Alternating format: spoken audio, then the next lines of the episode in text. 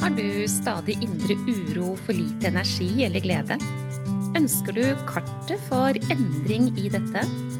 Hver episode er dedikert til å gi deg gullnøkler for livsglede og ro.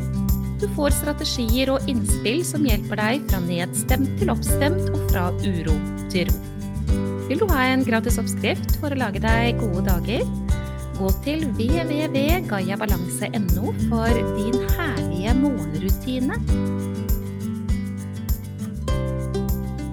Denne episoden skal handle om at det er utrolig viktig å se nærmere på om man er bitt av um, det som heter å være en uh, flink pike, en prestasjonsprins eller prinsesse den som jager seg selv i forhold til å gjøre, fordi det å gjøre, det er det eneste som teller. Jeg håper virkelig at du blir med meg gjennom denne episoden, spesielt du som kanskje er en da av alle de mange som har identitet i å gjøre. At du ikke er god nok dersom du ikke beviser at du er. Da er det sånn, kjære deg, at du samtidig har veldig mye stress. Og stress, ja, det fratar deg helse, det fratar deg glede, det fratar deg energi, det fratar deg svært mye. Det koster veldig, veldig dyrt, og det er årsaken til at jeg deler alt det jeg har på hjertet med deg. Bli med meg inn i denne episoden, kjære du, for å bli bevisst på hva som skal til da, for å komme ut av denne prinsessa eller prinsen og inn i sannheten om at du er god nok. Vet du, når en litt for flink pike faller, så får det dramatiske konsekvenser. Det er sant, fordi den eh, litt for flinke piken, hun blir syk av stress. Og lenge før hun får så store symptomer at hun ikke kan fortsette livet sitt på den måten som hun har gjort da i ganske mange år, så har hun fått beskjed via smerter, vanskeligheter med å sove, angst kanskje, tankekaos osv., osv.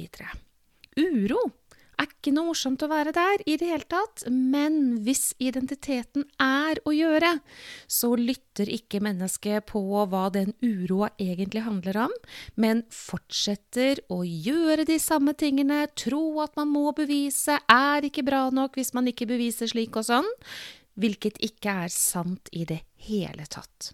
Det er absolutt ikke sant. Du vet du, jeg har gjennom åtte år møtt mange, mange mennesker. Det er over 10 000 samtaletimer. Det er ganske mange. Og en fellesnevner som kommer igjen og igjen og igjen, det er det som denne episoden handler om. Mennesker som tror at de må bevise, mennesker som tror at det er eh, slik og sånn fordi at det noe annet er man, da er man ikke god nok. Er ikke god nok, rett og slett. Det er en frykt for å bli avslørt for det som man tror om seg selv, at jeg er ikke god nok. Så hvis jeg setter grenser, eller jeg gjør litt mindre, eller jeg sier nei, så er det livsfarlig, rett og slett, så det gjør jeg ikke i det hele tatt. Kan du kjenne deg igjen i dette med at identiteten din handler om å gjøre? At det du får til, det er deg? Om det er yrket ditt, eller det å være en god mamma, eller en god venninne, eller en god kjæreste.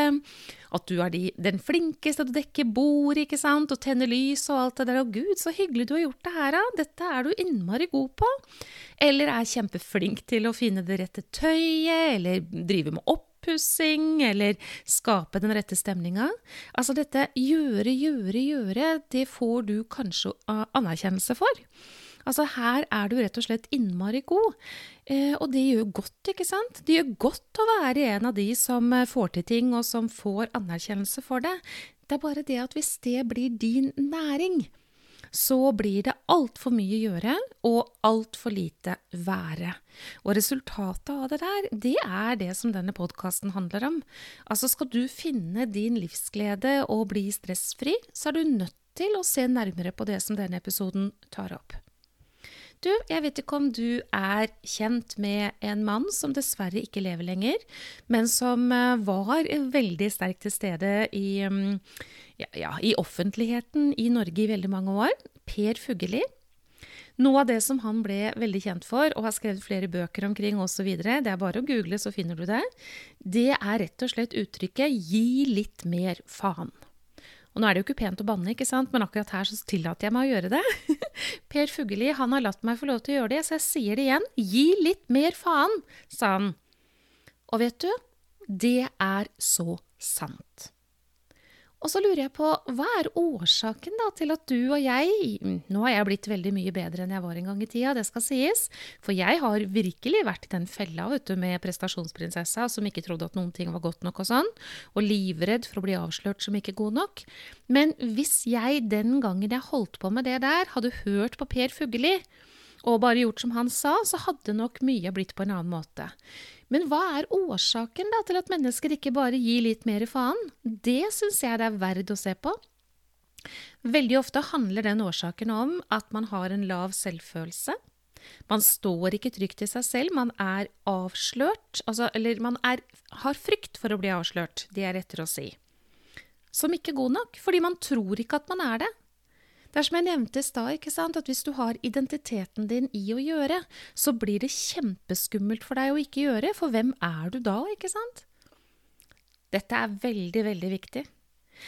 En frykt rommer veldig mange mennesker som heter frykten for å bli avslørt som ikke god nok.